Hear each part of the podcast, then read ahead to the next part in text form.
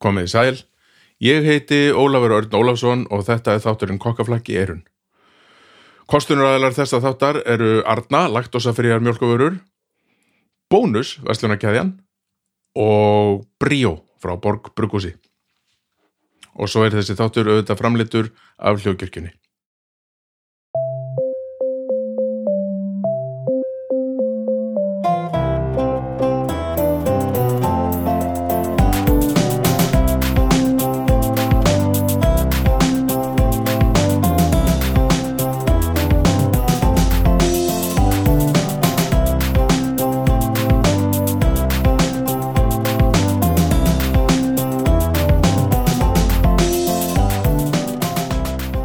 Já, já, komið sæl og blessuð og verið hjartanlega velkomin í glæn nýjan þátt af kokkaflakki Eirun og ég beði ásökunar á að hafa ekki verið með ykkur í síðstöku, það var, hérna, kom ekki til að góðu og hérna, ég var nú aðeins búin að ræða það en það er þannig mál með vexti að ég lendi í fyrir akkurat ári síðan, þá lendi ég í ansi slæmu skíðaslýsi og möllbraut á mér fótinn og, og hérna er búin að vera að súpa segið af því síðan, ég er búin að vera já, já, ég, þetta var það slæmt að ég hérna lág á spítala og fór í alls konar aðgerðir í, í, fyrir árið síðan og, og hérna það átt að gera við mig og, og svo held ég nú að heldum við að svo viðgerð hefur haldið en, en það var því miður ekki þannig Þannig að á endanum þurfti ég að fara núna í, í hérna liðskipta aðgerð sem að ég fór í núna um daginn og þannig að ég þurfti bara óhjákomilega að taka mér smá frí frá kokkaflækinu. Ég vona að þið veriðið það við mig. E, núna er ég komin hins vegar alveg stálslegin, það er búið að gera við mig og ég, mér líður miklu betur og ég er farin að geta gert fullt af hlutum eins og til dæmis að taka upp podcast. Það var hins vegar þannig að hérna, ég ég sko já, þetta, þetta varð mér svolítið sko svona inspirasjón þessi, hérna, þessi síðasta innlögn mín á spítala. Ég lafa þar og þar, þar er nú fátt sem að gerir fátt sem að laka til þannig sko, nema að fá hérna lifegjöfina sína og, og matinn. Og hérna ég var svo hann komið svo óvart hvað var góður maturinn. Og, og það er ár síðan ég lafa á spítala síðast og hérna þá var maturinn ekki góður, hann var gamaldags og vondur og bara ekkert nefn að þú veist einhvern veginn bjúu og, og róustöppur og eitthvað svona bara, já, ekkert var í þetta. Nema svo var ég núna um daginn og ég láði þarna í, í, í þrjá nættur og, og hérna og maturinn var miklu betri heldur en það var fyrir árið síðan. Og ég fór eitthvað velta fyrir mér hvernig ég óskapinu stæði þessu. Og ég fór líka svona að hugsa um sko hvað hérna hvers konar fyrirbæri eða spítala mötuneyti sé, hvaða í hvað rosalega batteri þetta hljóta að vera. Þannig að ég fór bara þar sem ég lá og jafnaði mig þá fór ég að hugsa þetta og ég ákvaða að hafa samband við eld og ég tala sem sagt í þessum þætti við Jón Haug Baldvinsson sem að stýrir hérna eld og spítalina lands, landsspítalans og hann er byrjaði þarna í mægi fyrra og er að hérna, lifta grettistæki að laga til og breyta og hérna, bæta matinn og ég fann það og mér fannst það alltaf gaman sko. Uh, Jón Haugur hefur er, er, svona gammal hundur í bransan og þannig séð, hann var með Jamies Oliver uh, Jamie Olivers hérna, Ítaljan er á Hotel Borg. Við tölum hans um það. Uh, hann var hérna lengi verið að vinna hjá Vínbyrgjum, hjá Coca-Cola og eitthvað svona við ræðum þetta allt saman. Uh, mjög áhugavert spjall um mjög áhugavert fyrirbæri sem að spítalamötunni eru.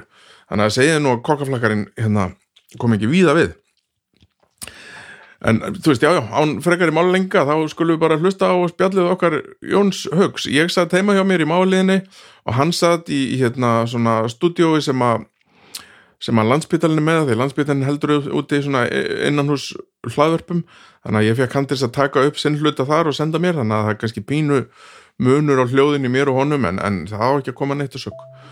Þannig að bara gera þessu vel, hér er spjallið mitt við stjóra landsbítala eldhúsins Jón Haug Baldvinsson.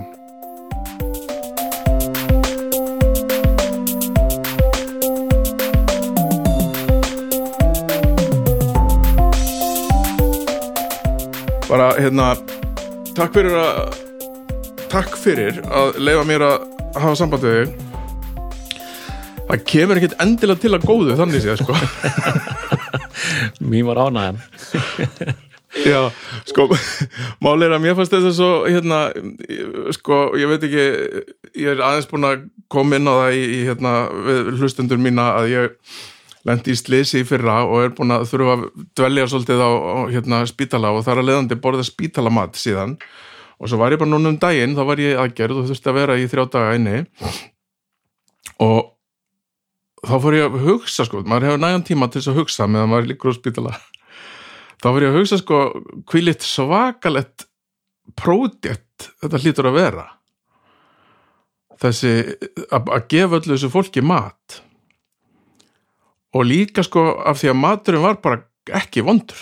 Að hann var bara, hérna, bara nokkuð góður sko Það er, heldur, það er heldur gott fyrir okkur sko, við erum í þar einn stöðu að væntingarnir er ekkert sérstaklega miklar sko, þannig að ef við erum svona aðeins að performera eins og eigum að gera þá hérna fá oft klappa bakið sko, þannig að þetta er annan að reyka veitingahús sko, Já, einmitt, og fólk er svo sem ekki að fara neitt annað heldur sko. Nákvæmlega. En sko, bara svona til þess að aðeins að setja í samingi sko bara voljúmið á þessu öllu saman. Hvað hérna þú veist, hvað er mötuniti landsbítalans að gefa mörgum að borða á dag? Sko, þetta er í kringum svona 5200 máltíðar á dag. Þannig að hérna, ég held að við hljótum að vera eitt af svona stæðstu framlegslega eldusum á, á landinu. Þannig að hérna, og þetta skiptist í raun og veru þannig að þetta er náttúrulega eitt stæðstu vinnustaf landsins. Þannig að þetta er ekki allt sjúklingar. Þetta er svona, allir, sé ekki svona 1200-1300 sjúklingar á dag sem við gefum að borða, bæði sko morgumat Já. hátegismat, kvöldmat. Svo erum við millibita sem við sérst, sendum líka með kaffinu og kvöldkaffi. Þannig að sko, Sandköku, ég fegna aldrei svo jú, jú. Þá, og hérna, svo restin er náttúrulega bara hérna, starfsfólkið okkar sem að, hérna, er að borða í hátteginu og, og kvöldin líka. Þannig að það er svona tótali og er þetta svona 5200 máltíðir á, á Er það sama sem fólk er að fá að borða? Nei, raun og veru er ekki sama. Hérna, við erum með, við gefum út svona sérst, vikuseðil fyrir sérst, sjúklinga og, hérna, og náttúrulega líka fyrir starfsfólkið og hérna, en það er ekki alveg það sama. Eh, sjúklingar eru oft náttúrulega með sérþarfir og, og hérna við þurfum og, og klínisku deildina geta panta svona eftir eh, svona þörfum, það er svona mismunandi hvernig deildindar eru. Þannig að hérna sumir, eru með sumir sjúklingar náttúrulega eru með litla matalist og það þarf að gera ráð fyrir því og aðrir eru með mjög mikla matalist og það þarf að gera ráð fyrir því og hérna hana, hana hver sko deildistur inn á klínisku deildina getur panta eftir svona þörfum sjúklingsins. Þannig að þetta er svona, hann er rosa, þú ættir ég að sína þetta Excel-skjál, sko, þetta er alveg, alveg magnað, sko, þetta er alveg stæðsta Excel-skjál sem ég síða á æfuminni, en, en þarna eru, Já, upp á hvernig maturinn er pantaður og svona. Já, hvernig hann er pantaður og líka bara hvernig úrvalið er af, af mat, við þurfum eiginlega þjónast, eða þurfum eiginlega að vera með, hérna, svona sinna öllum þörfum. Þú veist, sumir eru á fljótandi og aðrir eru með, með ó- ónæmi og, ónæmi fyrir alls konar mat, mat og, og, og þetta er svo rosalega mikið eh, sem við þurfum að hugsa út í þegar við gefum út þess að matsæla. Já. Na, og náttúrulega líka bara eins og með Og sérfæðir hvað er svona þú, sko, af því það hefur spítalmatur hefur haft svona orð á sér að hafa verið bara frekar svona monotón og, og leðilegur og, og jafnvel bara vondumatur og kannski kemur það til með kannski er það ástæðan fyrir því að hérna einmitt, fólk er nú kannski ekkert í sínu besta ástandi þegar það er þarf að líka spítala í einhverjum ástæðum Mhm. þannig að þú veist er, er svoleiðis pælingar eitthvað lítið að salti, mikið að fytu þú veist, eitthvað, næringarfræði pælingar, Já, eru það mikilvægir í þessu eða? Já, það eru rosa mikilvæg í þessu og hérna við erum með mjög marga næringafræðinga á deildin okkar og við þurfum að hugsa rosalega mikið út í illum söldu fyrir hjartadeildina og, og hérna og spá bara rosalega mikið í innihaldinu af því að eins og ég segi, þetta er, þetta er, rosa, þetta er, þetta er stór spítali, þetta er okkar spítalin okkar hérna og við erum nýju spítali út um allt höfubröksverði og getur ímyndaði bara hvernig þetta eru mismunandi þess að þarfir sjúklingarna, þannig að við þurfum að spá rosalega mikið í bara næringunni og innihaldinu og, og gefa það svo sem út bara alltaf vikulega hvernig innihald hverjar ma hvers, hvers matar fyrir sig er. Þannig að hérna þannig að já, þetta er rosa svona víðamikið og, og hérna og ef svo segja aftur, aftur mismunandi þarfir sem við þurfum að hugsa út í. Og, og við erum sem sagt með með miðlægt eldhús, við erum með eldhús okkar á ringbrödd, það sem að hérna, við erum að gera um allan mat og hérna, svo sendum við hann út í matavögnum bæði sko þrísar á dag þannig að það eru matavagnar að fara hérna um allan, alla borgina. Og hérna við, við, við eldum hann á einu stað og sendum hann síðan í matavögnum þrísar á dag til allra þessar spítala. Þetta er, þetta er náttúrulega borgarspítali gamli borgarspítali í Fosfói þetta er Landakot, þetta er Vívistarspítali þetta er Kleppur, þetta er, þetta er Bugl, þetta er Grensás. Uh, ég er auðvitað að gleyma ykkur sko, en, en þetta er rosa víða mikið starfsemi. Við erum að senda Já. mat út um allan bæ.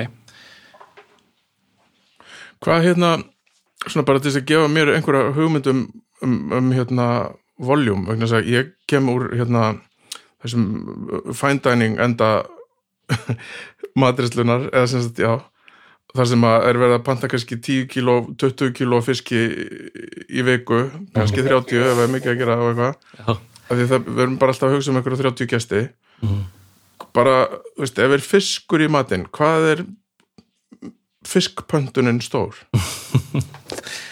Hún er rosa stór sko, hérna þú veist, þetta er þetta eru ykkur hundruðu kílóa sem þurfum að banta náttúrulega bara fyrir einn dag af, af fisk þá og hérna, ja. saman með kjúkling og við erum að vestla alveg við, já, alltaf við séum ekki staðist í kaupandi á matvælum hérna á landinu en sérst, við, við vinnum þetta þannig að við erum með svona þessi ríkis útbóð og þá fá allir byrgjarnir okkar að bjóða í í hérna þennan, þennan samning og, og hérna svo erum við með alls konar ör útbóð sem við, við stundum reglulega því að náttúrulega frambóð af, af fisk og kjöti og, og bara prótunum almennt erum við mismunandi við stundum er ekki til einhver, einhver skurður af kjöti eða, fiskur þannig að við erum með oft svona ör útbóð sem við förum út í.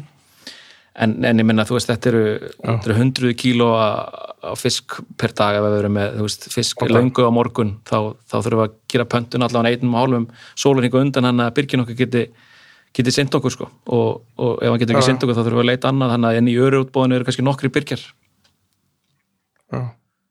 þannig að hérna Þetta er magna Já, þetta er, þetta er, þetta er alveg magna ég, hérna, maður kemur alltaf sjálfur sem úr þessu veit ekki að gera, að þetta er rosa tölur í þessu og maður svona maður bregður alveg að sjá þetta stundum með það en sko, tölum eins og það hver er þinn bakgrunni? Ég menna síðast vissi að þeir þá varstu á, hérna, á borginni. Já.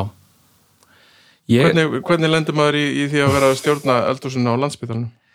Ég held að ég fengi bara rosa góðan skóla hérna með uh, það Jamie Oliver æventyri på Hotel Borg ég, hérna, ég er svolítið alin upp í þessum, eða svona alin upp og svona setna árum, að setni tíma ég var mikið bara í markas- og sölustöru hjá Æslandir og, og hérna Marel þar kynntist ég matvalum í fyrst skipti, ég var markastöru þar svo einhvern veginn axlast að þannig að faði minn og Siggi Hall stopna Food Fun, þannig að það svona er alltaf hérna svona eitthvað sem ég tek þátt í og ég verð frangastjóri. Manna fótinn í því svolítið? Já, ég fær rosa mikið áhuga á þessu í kringum Food Fun og hérna með Siggi Hall og pappa svolítið í að, í að hérna, koma þessu lakirnar og er frangastjóri hérna fjáða mig ykkur þrjú ár og, og, og er að fylgja svolítið mikið með föðum mínum en hérna út í Ameríku með lambakjött og skýr og alls konar og svo er ég hérna sölustöri á Coke í fjögur ár og þar er ég yfir uh, veitingageranum og þar kynist maður ennþá meira svona þessari vínmenningu og við erum náttúrulega að selja mikið bjóra á veitingahús og bari og, og sem sölustur er kók hefur maður kannski rosalega mikið inn í rekstrinu líka hjá þessum veitingahúsum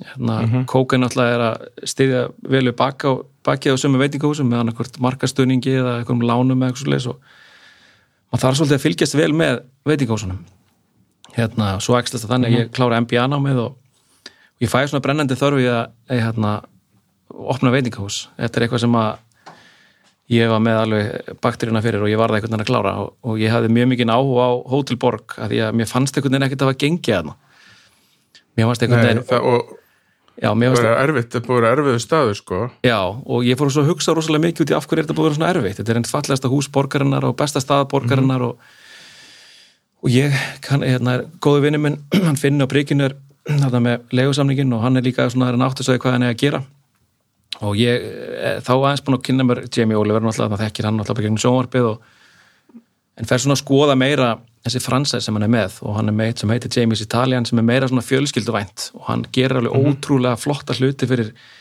krakka og úlinga og þetta er rosa fjölskylduvænt en, en rosa mikil gæði og, og hérna og mikið lagt upp úr bara framsetningu matar og veist, við vorum í marga mánuði til að fá samþykki byrgjan okkar hérna á Íslandi því að hann gerir svona kröfur til byrgjana og hérna Já, bara ráöfni Já, með ráöfnið og hann, hann hafnaði mörgum byrgjum bara út af veist, ekkin þurftum að kaupa frá hænsnabúi það sem að var, þú veist, allavega metir á milli hænana og veist, þetta er svona alls konar kröfu sem hann sett okkur já. en ég allavega fæði þetta fransæsleifi og, og bý til svona hóp eðna, manna sem að opna hann, hann stað og, og ég reyka hann í tvö ár cirka, eitt og halvt ár, tvö ár. Þetta var, þetta var, þetta var rosalega metnaði fullt verkefni. Þetta var dýrt verkefni, miklu dýrar en við reiknaðum með. Eh, Eh, það var eh, alveg rosalega mikið að gera hjá okkur fyrstu áttamánuðina sem að fólk fekk valla borð þannig að við náðum upp rosalega góðri veldu og, og hérna eh, samkvæmt meninga voru veita svona veldumöstu veitingum í Reykjavík á þessum tíma. Já, okay. þannig það gekk allt saman rosalega vel en, en kostnæðin við þetta var allt og mikill og hérna launakostnæðar þessum tíma Já, við uppsetninguna. Já, við uppsetninguna og líka bara einhvern veginn laun voru að hækka svo mikið á Íslandi á þessum tíma. 2016, og hérna og við, við vorum rosalega yfir mannaðir, launakostnarna var eitthvað svolítið að falli, við náðum ekki, eh, náðum ekki stýrunum alveg nógu vel, þetta var náttúrulega stór staður. Og hérna Já. og eins og ég segi, þjálfunateimi Jamie var hjá okkur í fjóru til fimm vikur að undirbúa okkar starfsfólk og hérna og þeir náttúrulega er að passa vörumerkið Jamie Oliver, þannig að þannig er svona þessi þessi, þessi, þessi partægi melli Rækstar aðalans og, og fransæs aðalans veist, við náttúrulega erum að reyna að passa kostnað þeir eru að reyna að blási í bara til þess að fólk upplöfu góða þjónustu. Þannig að við erum svona yfir mannaðarna í langan tíma. Og hérna enda þess að segja, þetta var rosa stór staður og, og einna svona staðist í Jamie Oliver staðurinn, eða Jamie's Italian staðurinn í, í heiminum og í fermundrum en hérna en við fengum hérna rosa góð velun frá honum, við vorum valin besta opnun af öllum Jamie í Italianstöðunum 2016-17 og þannig að þetta var rosa mikil viðkynning, rosa mikil skóli. Eins og segja ég fór til, til, til, til var að vinna á Jamie Oliver stað í 34 vikur, fekk alltaf þessa kennslu. Jói Kokkur fór út og Sigrun Þormós og við fórum öll út hann og lærðum alltaf heil mikið og komum rosa mikla þekkingu heim Já, og þannig að hérna var rosalega mikið lagt í bara fagmennsku og hérna þarna lærði maður ósað mikið bara með gæði matvala og framsetning á mat. Eins og við þekkjum öll bara frá þessum þáttum sem hann er með í sjónvarpunni, en framsetning á mat er svo brilljant hjá hann sko. Já, já. Já, já, allt er, hérna, hann, hann er alveg brjálæslega sniður. Og svo er annað sem að ég held að hérna, við í bransanum megum alveg taka svolítið til okkar sko að þegar einhver er búin að búa til franses og finna út hvernig það getur gengið mm -hmm. þá er eitthvað rétt í því sko Já, Þa, þá er, er rekstrar sko hliðin, það er, það er einhvað rétt í því að því að það er búið að þau hugsa þetta til þess að geta gengið á mörgum stöðum út um allan heim sko. Nákvæmlega, og það er úrslega áhugavertið með þessi punktur sko, hann náttúrulega fer í gjaldrótt með James Italian í Breitlandi, að því að eins og hann sagði Já. við okkur sem voru að vinna með honum er að hans einhvern veginn kröfur á gæði og matvæli eru svo mikil að innköpun hjá hann er svo dýr og meðan að kannski mm. aðri staðir er að kaupa er kannski ekki með einsmjöld kröfur á ráöfni okay. en allir aðri James Italian staðir í heiminum ganga mjög vel sko. það er ekki nema Breitland sem að fór svolítið á hausin sko. og það, hann segir það sé út af þessum hann sé sig undan svolítið sinni samtíð í Breitlandi hann gerir alltaf mikla kröfur og er að berja samt á lágum verðum á High Street hann er að berjast við McDonalds og Burger King og hann, hann vildi fara í þann slag en það er kannski... Já, hann er að berjast þar, já. Já, hann, hann fór ekki, þetta er mjög svona, ég myndi segja James Italian í Breitlandi var mjög ódýrt með við gæðin og, og allt það sem hann var að standa fyrir. Hann kannski verðlega sig kannski vitlust en, en það er bara hans hugssjón, hann vildi að væri hægt að fá hágæða matvæli á góðu verði og, hérna, og það kannski var hann um að falli. Já, ég minn og svo gerða hann alltaf þess að þætti hérna, aukur samfélagslega tilrönd það sem hann hérna það sem hann tók skólamáltíðir og sagði þetta þarf ekki að vera drast við Ná. getum hérna notað sama penning til þess að búa til góðan mat. Nákvæmlega, og þetta er svolítið þegar maður lærir svolítið á hann og það fannst mér þetta verkefni sem er spítalinn alveg ótrúlega spennandi, þú veist, hérna að taka svolítið á þessum máli mér innan og sko. Já. Og það sem ég, já. já, ég meina, ég var, það er ár síðan ég var hérna, lendi í þessu sleysi mínu og hérna, þá var, lág ég að spítala í, í alveg þrjár vikur sko og hérna fýtt matur en stundum bara ekkert góður sko eins og gengur og gerist svo sum en mér fannst það að bara í þess að kannski var það vegna sem ég var um helgin og síðast, mér fannst bara að hafa batnað heil mikið, er, er verið að bara stöða þetta að vinna í geðamálum eða?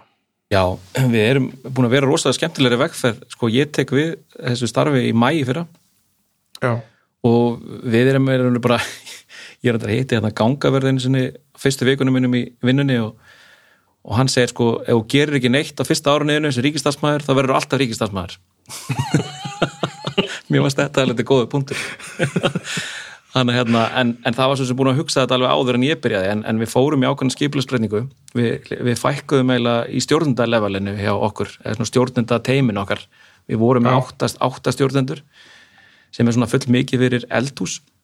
Þannig að við, hérna, við fórum í skipilagsbreytingar og, hérna, og við erum eftir núna fjóri stjórnendur en ákveðum að nýta þá kannski spartnaðin okkar og hagraðingun og ég ráða matrislumestra í vinnu. Já, já. og ekki bara matrislumestra heldur líka bara gæðastura og hérna og frá því að ég tek við þá erum við búin að ráða núna alveg fimm maturislumestara í vinnu og hann er verið um orðin núna sjö. Það ég held að aldrei verið ja, margir maturislumestara mentaðir hér innan spítalans áður. Nei. svo eru við komin með já, gæðastura sem er matvalafræðingur þannig að við, höfum séðarlega þessa miklu breytingu og þetta sem þú tala um, við höfum heyrtið þetta rosalega mikið núna undarfarið, hvað fólk er að rósa matnum og einhvern veginn hérna maður finnur fyrir því að þetta er alveg að batna til muna og hérna, en við erum fyrst og fremst búin að taka rosalega starfsmanna máltíðanir í gegn, við erum búin að við opnum hérna konsept árin ég byrjaði sem heit Elma, sem er svona kaffehúsa konsept sem er, á, er í, á Ringbrut og í Fossvói og í Skaftali þar sem að alls all, skristofur menninir eru Já. og þar eru við með rosa flotta framsetningu í mat fyrir starfsmenn. Það sem er næsta dagskrau okkur þó svo að sjúklingamaturnu er batnað er að taka hans svolítið meira í gegn. Og sérstaklega kannski þú kannski tekið eftir veist, með svona framsetningun á mat veist, en við erum ennþá að nota svolítið gömul búsáhald og diska og, og bakka og svona. Það, það, þurfum, það er næsta svolítið að laga það, bara framsetningun á matnum og, og taka hans svolítið meiri í gegn. Og við erum nú bara nýlega búin að ráða núna þess að tvo, eða þrjá matrislu mestra til vinnu og, og næsta skrifið okkar er svona að taka þennan luta í gegn. Það sem mér fannst sko var að hérna mest í munurinn fannst mér vera að hérna, þetta var ekki sko, ok, nú þetta er að hljóma eins og algjör dykk sko, en þetta var ekki lengur matur fyrir gamalt fólk. Skilur, það var eitthvað þú veist, það var bragð. Það var, þú veist, ég fekk eitthvað kjúklinga potritt sem að var bara bragð af skilur, það var bara kryttan með veist, öðru heldur en bara salt og pipar. Og það var ekki bara bjúu og saltkjöld og, og þú veist, eitthvað, hérna já, svona bara fullir vinningu fyrir gamlum íslensku mat svona gamaldags öllu heimilamatu, sko. Já, já. Og það er svolítið stimpillin sem að sjúkrahúsmatur hefur haft er að hann er að keitira fyrir gamla fólki og sennilega kannski, mögulega er það vegna þess að stærstur hluti þeirra sem líkjan á spítala eru gammal fólk, sko. Mm -hmm.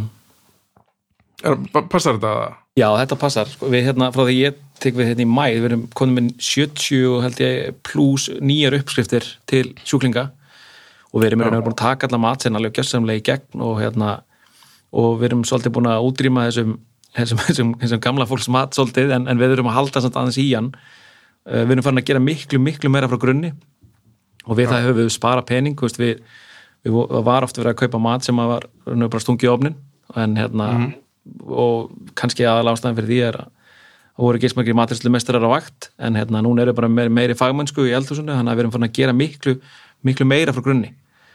Og við það sparast peningur og hérna þannig að einhvern veginn með því að auka fagmennskuna og, og, og hérna þá þá höfum við, höfum við einhvern veginn auki gæðin.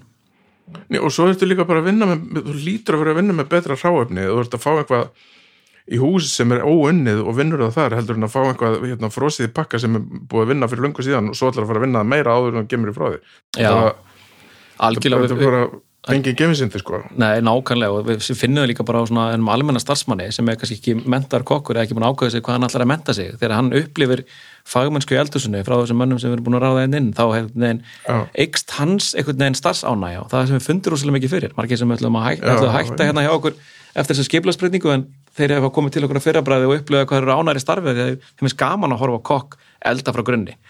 Þetta Já. gefur þeim bara miklu meira það var að stinga ykkur í opnin og hitta upp og senda frá sér sko. Já, gera þú veist þúsund lítra royalbúðing Já, okkur og alltaf eins þú veist, getur leikað með hann.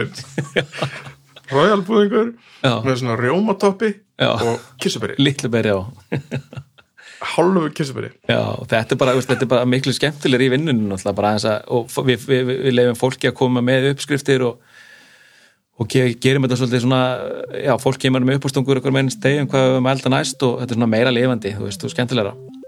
Já. og það er gaman að fólk er að taka eftir því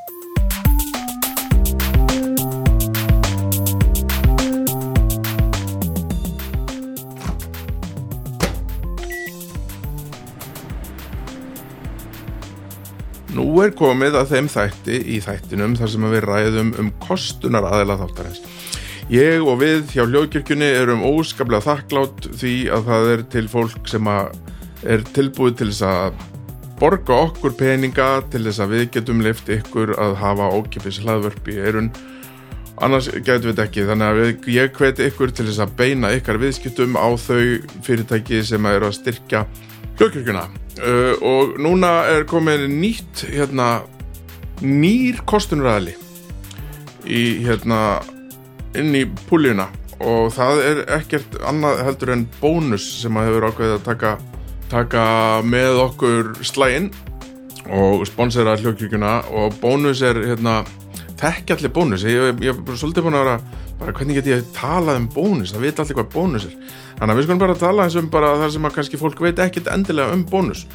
Uh, ég sá á heimasíðunni þeirra að bónus er með hérna, svona virka umhverfistefnu sem að þeir fara eftir og þeir voru sko fyrsti stórmarkaðurinn sem hætti með plastpoka til dæmis og tók einn svona mægispoka bónus hefur allt frá upphafi selt útlitskallaðar vörur og vörur á síðasta nýstludegi með verulegum afslætti. Ég þekki það nú sjálfur, ég kaupi oft og yðurlega sveppapakka á 50 kall aðeins farið að láta á sjá en sveppir eru bara betra á bræðið, þeir eru pingulítið farinir að svitna sko, það vantar ekkit vantar ekkert upp á það sko þeir kólefnisjafna og þeir stendur hérna heima síðan að bónus og fyrsta maturverslun á Íslandi sem kólefnisjafnar rekstur sem kólefnisjafnar rekstur verslana sinna.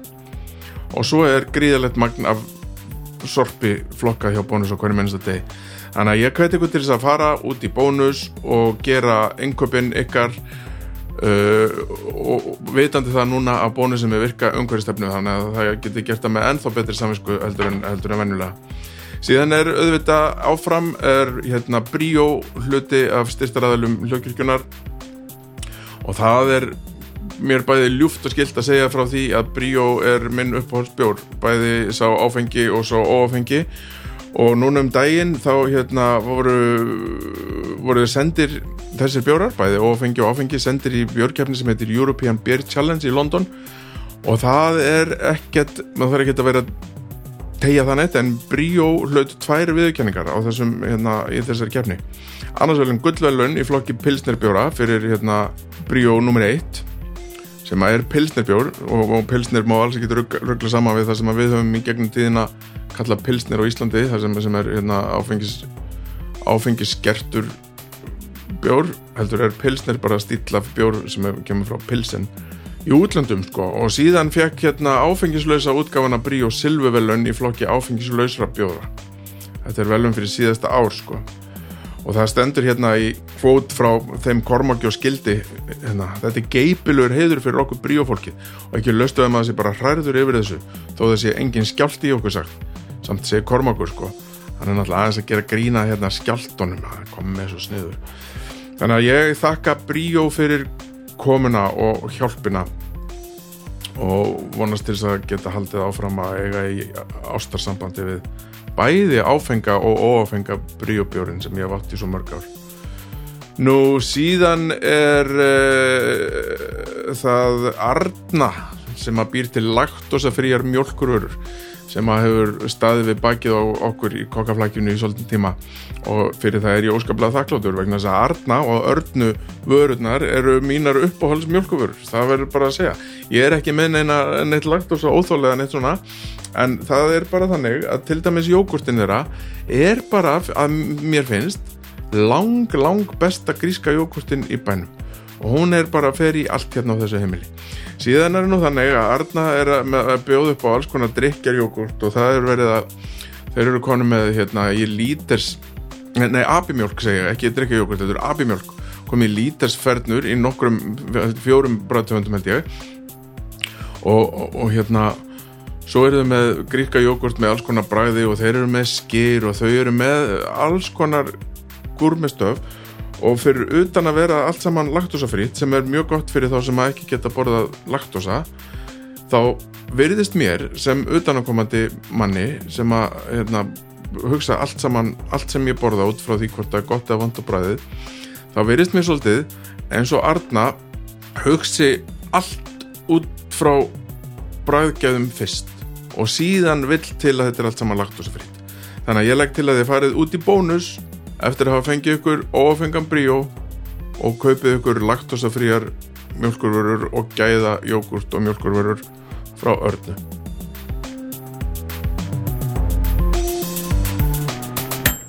En hvernig hérna upplifir gamla fólkið þetta? Og ég held bara, sko, matamenninginu breyst svo svakalega mikið. Ég, sko, Já, veginn, gamla fólkið er líka bara orðið yngra. Ég held nákvæmlega, ég held það sé alveg hárétt allir þessi matrislu þetta sem er í sjónvarpinu og allt sem að, ég menn þú kveikir á sjónvarpinu og finnur alltaf eitthvað matrislu þátt. Og þetta er búið Já. að vera núna finnst með viðlóðandi bara svona í tíu ár pluss þannig að gamla fólkið er bara orðið nýjungjarnara. Já. það er fann að uppgöta mat sem að vissi ekki að vera til og veginn og við höfum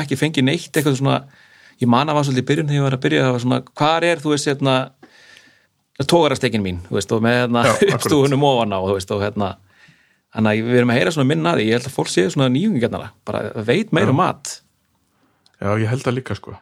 Ég held að, einmitt, bara hérna þú veist, munurinn á ömmu minni og mömmu minni til dæmis bara í, í, í því hvað er í matinn. Ég menna það er bara alls konar veist, það er þessi fólk sem er, hvað maður segja, fólk sem er 75-80 ára núna var ungt inn í eitið sem var, já, bara hérna okkar aldrei í, áttunni sko. Já, og þá er að koma svo mikið að nýjum bræðum og nýju hráfni og alls konar. Þannig að kannski er þetta sko, ég ætla að ganga svo langt að segja að þetta sé einhvers konar hérna, fordamæri, þetta er svona svipað eins og um daginn þegar var kom einhver sem að kom einhver af elliheimili eða einhver svona neða ekki elliheimili, einhver svona félagsmiðstöð aldrara og var að fætta fingur út í það var endalins harmorkutónlist. Og sagði, ég meina við ólust upp í bílana og við ólust upp í bílana og Rolling Stones, akkur var að bjóða okkur harmorkutónlist bara því að við erum honum gömul. Akkurat. Þú veist, ég held að þetta heimfært ég held að þetta heimfært á mat. Já, gamla fólki, jú, það fílar harmoníkutónlist þannig að við erum að vera með harmoníkutónlist, alltaf. Já, akkurat bara, já, en við, við erum búin að hlusta á rocktónlist síðan við vorum uh, unglingar, sko. Já, nákvæmlega, þetta er eins og Ég held að sé þetta heimfært þetta með mat. Ég meina, þú þarft ekki alltaf að vera með súrt slátur og eitthvað, af því það er bara þú ert búin að alast upp við rocktónlist í mat bara í, í þetta mörg ár, sko. Já, nákvæmlega. Þetta er held að móðin sé- mín er 75 ára og, og hérna, og það er nú þetta skemmtilegt sem maður gerir er að fara að mati mömmu sinnar því að hún er alltaf með þessa klassísku rétti sem er ólst upp við en, en hún um daginn er farin að taka sig til og fara að hérna, panta frá eldum rétt Já, bara það sé að því að hún vil svolítið fara að uppfara sig. Hún vil svolítið Já. fara að læra nýjur uppskrift og henni finnst það að geggjað sko, að hérna, fá okkar frá eldum rétt og, og kynnast nýjum uppskriftum sko, að þú veist, það, þetta fólki 75 ára er, er, er, fara að hugsa svona veist. algjörlega. Ég kaupi þetta stundum og mér finnst það geðveitt vegna þess að það var eins og þessi mat heima í okkur um öðrum. Já, akkurat. Af því að þetta er svona uppskriftir sem að hérna, einmitt, bara matur sem að mér myndi aldrei detti hópa út til, alveg góður sko. En þetta er ekki í mínu portfóljó sko þannig að ég kom það stundum og bara, já, þetta er áhugavert. Það er bara eins og ég segi, mat alltaf í okkur hérna, gestur Akkurat, var ég, var ég alltaf þetta?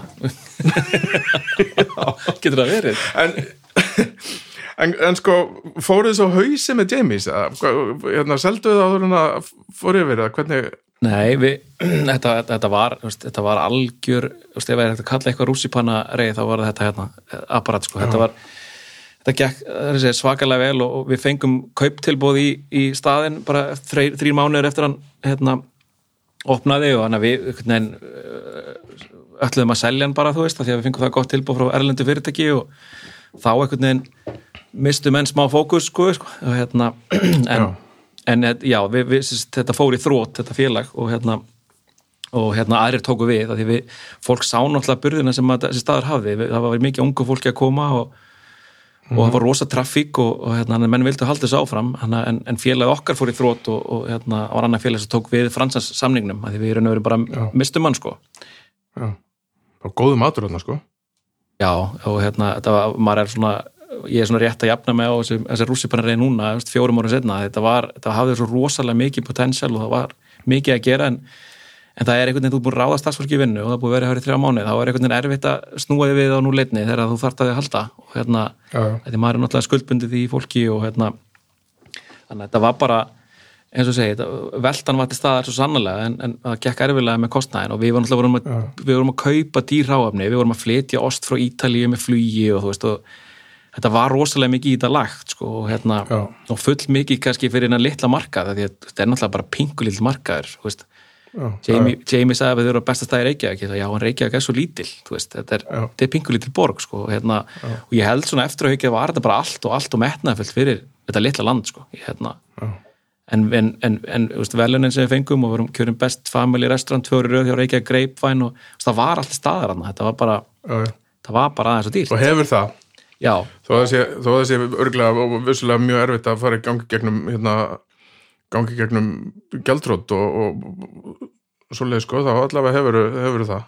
Já, einmitt, alveg, alveg geggjaður skóli og hérna, mér varst líka bara gaman að að ég, herði nú Bubba Mortens vera gaggrina hvað við gerðum við borginna sko, með að setja einhvern pizzaopn hann í gildasalinn en mér fannst þetta eitthvað svo geggju hugmynd sko. Og hérna, mér gaman að taka borgin einhvern veginn í gegn og þessi gildasali var búin að vera í gangi enn í 90 ár og einhvern veginn aldrei gekk veitingastæðar upp hann þannig að það þurfti svona aðeins að hrist upp í þessu og, og mér fannst þetta alveg geggjaður salur og fallegur og við fengum mikið rós fyrir hann og Þannig að ég held að ég sé fyrir að rífa hann pizzaopn og ég er alveg bara með tárin í augunum að hugsa til það sko. Já, ég, ég, það er Helgi Björns var að taka þessu var ekki? Já, ég held það sko. Að það sé bara Þetta aftur í gamla góða tíman. Já, já, þú veist, þetta er ég var hérna, tók þátt í þegar Völli var hérna, Já, þá var ég, tók ég þátt í að opna með honum hérna á borginni sko mm og þetta er sko, ég held að allir sem koma inn segja bara, þú veist, af hverju gengur ekkert hérna? já, Ég hlýt að geta gert þetta já, ég veit það. þetta er svo beautiful, þetta er frábært hótt þetta er frábært hús og endalega saga hérna og Já. hérna Ég held Það þetta allir ekkert sem að hafa gera áhuga á neitt veitingabransanum lappaðan inn á mitt og segja nákvæmlega sem það segir sko. bara af hverju er ekki þetta gengur ekkit upp hérna. Ég held í fram að við vorum með konseptið gekk upp en, en sem, miður fjárhagslega gekk það ekki upp en konseptið fannst mér alveg svínverka sko. Já, það er kannski þurft aðeins tíma og, og, og þólumóðara fjármagni svo, Já. svo fólk sér Nákvæmlega. það er uppáhaldsorðið mitt. Þolinmóður. ég elska þetta orð sko, það þurfti svo sannarlega tólið mot fjármagnana og svo var þetta líka á þeim tíma sem að ég man bara að þetta var hérna 2017, 17, 18 einhvern veginn bankarnir fóru að taka allt súrefni einhvern veginn að veitingahúsum að því að laun voru að hækka, túrismi var að minka Úst, maður oft heyrt þetta hugtak tímasetningar í viðskiptum skipta rosalega miklu máli. Þarna átt þessu sannarlega vel við sko við, einhvern veginn súref, banki byrja að taka okkur súrefni og, og, og hérna, þó svo við vorum komin í profit svona mánaðarlega þá var það bara ekki nóg, skilur bankin var rosa harður á þessum tíma að taka súrefni af fólki. Já, og ég meina bankin hefur alltaf verið daldið, allavega lengi verið daldið harður við veitingabransan og ekki gefið neinn nein breyk neinstæðar sko. Nei, þeir eru svolítið, maður, maður hefur að svolítið á tilfinningum stundum að þess að alltaf hljóma svo ykkur velgjói að, að þetta sé hérna business sem er ekki tekin alveg svo alvarlega eins og, eins og margur annar sko. Nei, nákvæmlega. Svo, bara eins og í þessu COVID-i skilur það er hérna það er eftirlit eftir það er eftirlit með veitingastofum og börum alveg endalaust. Löggan að koma inn í fullum skrúða með grímur og, og hérna, ég ætla nú ekki að segja alvækni en næstu því sko, nei, en maður sér það aldrei í kringlunni eða í rektinni eða eitthvað nei, þannig að þetta er svona það er svona eins og það er alltaf gengi, eins og stundum eins og sé gengi út frá því að veitingamenn séu sé einhvers konar glæpamenn sko, já, er er svona þreytandi koncept finnst mér. Já, já, maður, maður fann það alveg svona veist, við, við vorum, vorum með mjög breiðan hlutafhóp af mjög reynslu miklum veitingamönnum sem fóru líka í rosa metnafull verkefni. Þeir náttúrulega breyttu kaffi París í það sem að svona held er í dag og, en maður fann það svolítið þótt að maður var í þessum hlutafhópu svona, þá var svona alltaf smá fordóma sem að maður upplýði að maður gekk inn í bankan einhver helvitis veitingum hann að skrítið, koma eitthvað Þið skrýtir líka því að þetta er, ég held ég, það sé ekki villisa að veitinga og hótel og veitingabransin sé stærsta einstaka atvinnugrein í, Reykjavík. Ég held Já. ég hafi heyrt einhverstar, ég selði ekki dýraldur en geta það. Ég held það sé alveg hárið hér Þannig að það er svolítið skrýtið sko að hafa ekki, að enginn hafi þólimaði fyrir þessu og þetta sé svona einhvern veginn díla við þetta eins og þetta sé. Já, og, og rosalega mörg störf, ég man ekki, núna er vonandi að fara að taka, það er ykkur hópur að fara að búa til svona hagsmunasamtök veitingahúseiganda, því við erum alltaf til þetta Já. saf, sem að Já. mér finnst ekki meika neitt sens, þú veist, því við erum ekki bara tengt ferðþjónustu, við erum tengt náttúrulega bara þjónustu við borgarbúa og, og landsmenn og hérna, mér finnst Já, rosalega já. mikilvægt að þessi hagsmunasamtök sem að verja hagsmuna. Við háum, Já, fáum okkur röttat úti og séu, háværi og vakandi sko, ég held að það er alveg hárrétt sko. Já. Hárrétt sko. En hvað, hérna, hvað, hvað, hvað er hægt að gera meira við svona landsbytala? Er, er, er, er þetta að nota, veist, er þetta að horfa á þáttinn þegar Jamie fór í skólana og breytti skólamáltíðunum og Já, við erum við erum svona að íhuga að fara í svona breyttar framleyslu aðferðis, núna erum við raun og veru bara í cook and serve, þannig að við erum raun og veru að hérna, bara velda heitan mat og við erum að senda hann út á þessa spítal sem tala um áðan, bara heitan og þurfum að halda náttúrulega ákveðinu hittast í en við erum að skoða aðrar framleyslu aðferði sem eru raun og veru hendur í fyrir okkar staðsemi, sem eru raun og veru bara and chill framleyslu aðferð Já, sem eins og matur- notaði í hérna vestlusölum Já, nákvæmlega og bara, þess að segja hérna, æslandir og veist, alls konar svona stórum, stórum stöðum sem að eru nöður bara við eldum matinn og hraðkælum hann og svo er hann hitaður upp á Já. staðnum. Þannig að þá tryggir meiri, já, meiri gæði, meiri öryggi og svona og það er verið betra líka bara fyrir svona stóra starfsemi að vera í Cook and Chill. Við erum náttúrulega að vera í þessu er smá geðveiki sko, við erum alltaf með rosa stóra deild og marga starfsmenn og, en hérna þannig að við erum svona að skoða alls konar framlýsla aðferðir þessi dagana, bara hvernig getum við gert þetta betur? Og svona tryggt ennþá meira öryggi og annað í matnum sko. Þannig að eins og segja, við, við erum ennþá bara svolítið mikið að skoða ný spítalar opna 2025 og, hérna, og þar eru við með reisastort mötuniti og, og sjúklingum mögulega fjölga og starfsmennum munum fjölga og þannig að við, við þurfum einhvern veginn að hugsa, til framtíðar og þetta er svona fimm ára verkefni hjá okkur að, að, að, að ný spítala opnar að, að svona spá í rosa mikið hvernig við getum gert betur og svona. Við, ég ætla flest svona sjúkráð sem að ég hef náttúrulega ekki reyndar heimsótt neitt sjúkráð þess að COVID, maður er ekki komist neitt en, en þessi starfsmenn sem hafa verið hér hafa farið á lagra spítala á, á Norrlundum og, og í Evrópu, þannig að flestir í þessu cook and chill. Já,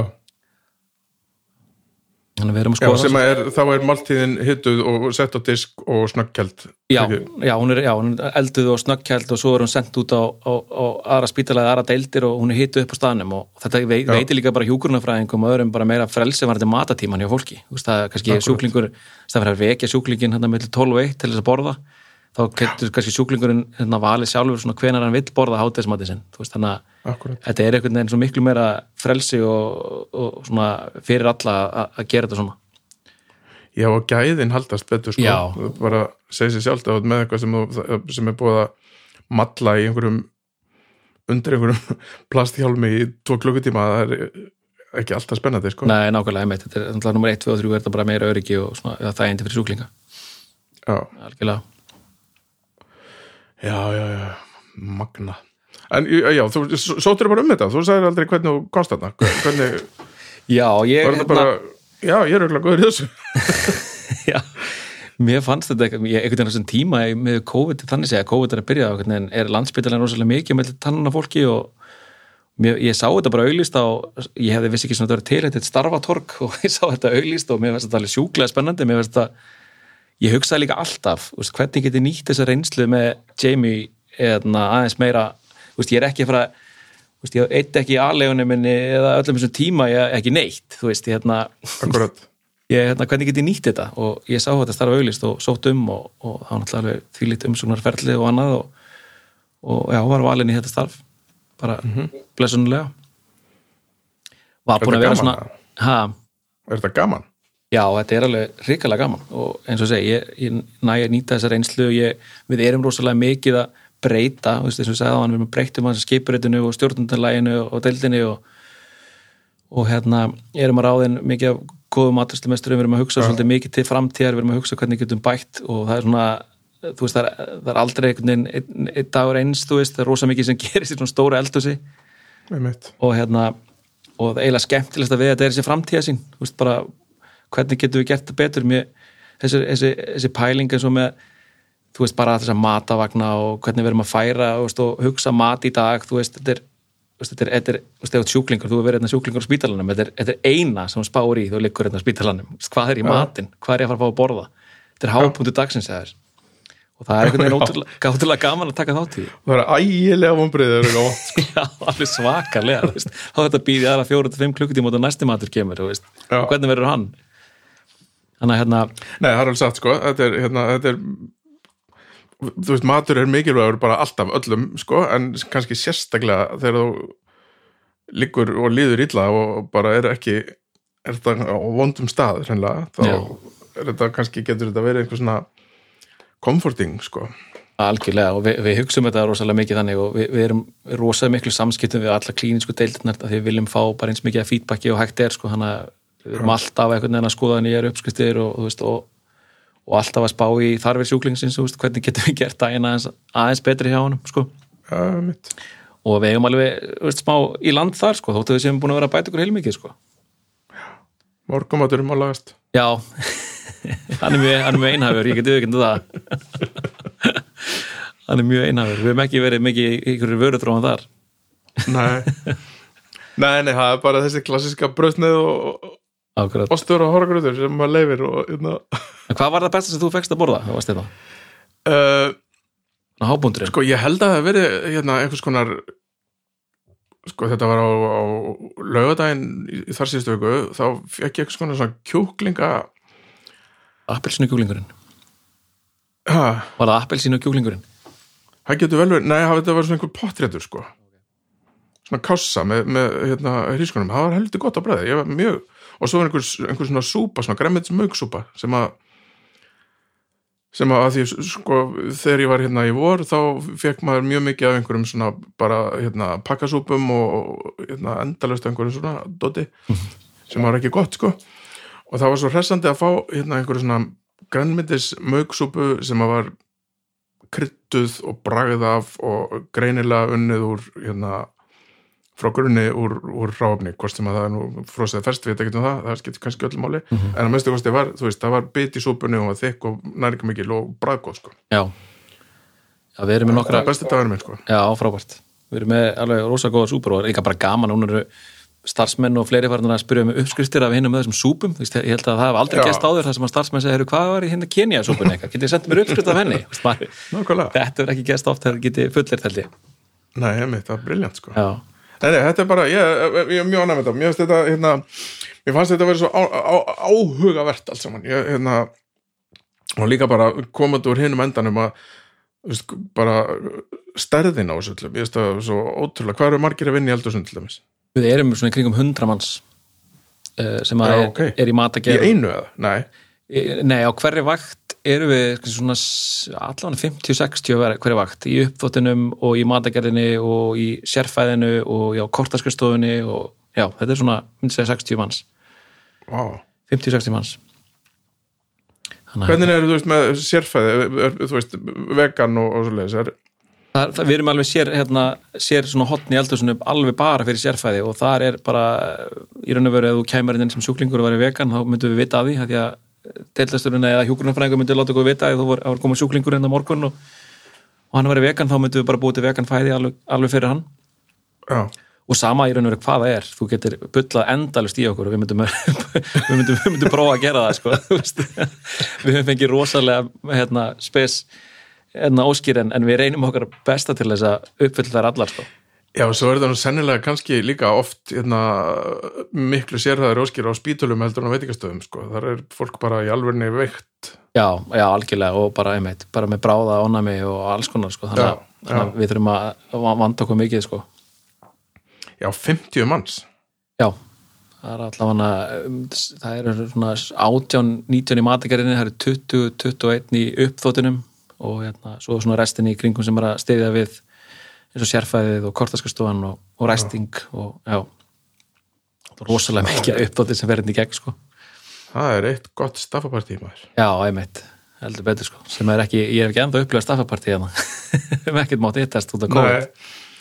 Það kemur, þetta er alltaf koma Já, ekki, já. ekki, ekki verið það í lagi bróðum jú, ég held að Ég held að, ég held að bara þetta sé alltaf verið gott Já, ég vona það svo sannlega. Við erum að fara einmitt í opna sjálfskömmtun og línunum okkar á mánudaginn að við höfum verið að skamta náttúrulega bara í bakka fyrir alla og, og fáir mátt vera í matselunum okkar þannig að við fáum að lok, loksins að opna sjálfskömmtun og línunum okkar á mánudaginn þar sem að fólk fara að skamta sér sjálf sko.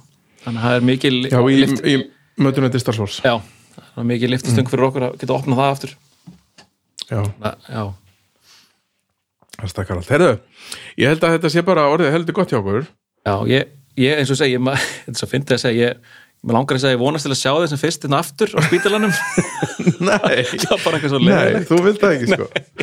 Ég er náttúrulega, Já, ég minn, grunnur, ekki, sko. minn grunnur er í markasfræði, maður er alltaf að markasetja einhverja staði, maður er svona að minna að markasetja spítalan, endilega komið og takið tvekja nátt nátt að hérna, Einmitt, þetta er, akkurat, þetta er áhuga að vera vingil þetta er ekki, þú veit, þú veit að marka setja inn innan einhvers hóp sem vill ekki vera já, það vil eiginlega helst enginn vera þetta en ég er svona alltaf svona hvetja fólk að koma eitthvað og prófa þetta. Já, Já nei, ég, er bara ætla, ég ætla bara að vona að ég fá ekki að prófa þetta neitt í bráða þetta sko. Akkurat. En ég, bara, ég, ég, ég get hins vegar orðið þetta svo leiðis að fyrir þau, þau sem að þurfa hérna, einhverjum ástæðum að leggst inn spítala þá þurfa ekki að kvíða matnum. Allavega núna, hann er orðið miklu, miklu betri heldur en hann var bara fyrir árið síðan sko. já, frábært þeirra maður. Má gott, það svoleiðis. gott hún að njóta einnig Herðu, takk kærlega fyrir mig og hafa það bara æfinlega sem allra best. Takk hérlega fyrir mig, takk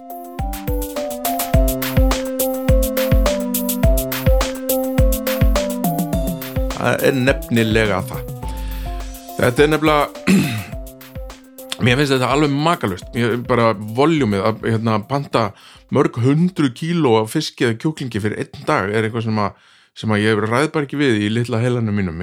Bara en magnað og mér finnst frábært að sjá þess að þróun að sé verið að færast yfir í að búa til hægt að kaupa tilbúin mat og búin til á staðnum og, og það skiptir svo miklu máli bara fyrir næringagildi og gæði matar og ef að það er einhver staðar sem þú átt að fá góðan mat og þá að hafa fyrir þér þá er það þegar þú á spítala lí- líkur á spítala vegna þess að fólk sem líkur á spítala líkur yfirleitt ekki þar af því að það er á góðum stað. Það er eitthvað að og þá þarf að hugsa um þig og það þarf að bara passa upp á þig.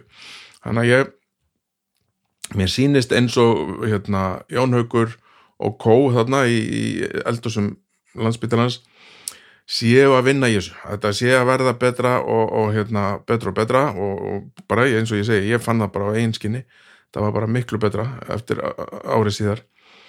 Þannig að bara áfram gakk og áfram hérna nota gott hráfni og munið eftir að skrá ykkur ef þau eru með einhver sérfæð og eitthvað, mér heyrist þau vera með þetta allt saman hreinu Uh, með það er ekkert mikið annað að gera heldur en að kveðja en að vanda áður ég kveð þá ætla ég náttúrulega að minnast á hljókirkjuna og allt, allt það frábæra starf sem framfer hjá hljókirkjunni þar eru sex þættir á viku og núna finnst mér algjörlega við hæfi að telja þá upp. Þeir eru uh, á mánudögum er domstagur á þriðudögum erum við með kokkaflakkið á miðvöggudögum er þátturinn draugar fortíðar á fimmtudögum þátturinn snæbjörn tala við fólk á föstudögum eru þættirnir eh, nei hættu nú alveg spurninga þáttur Vilja Naglbíts og besta platan.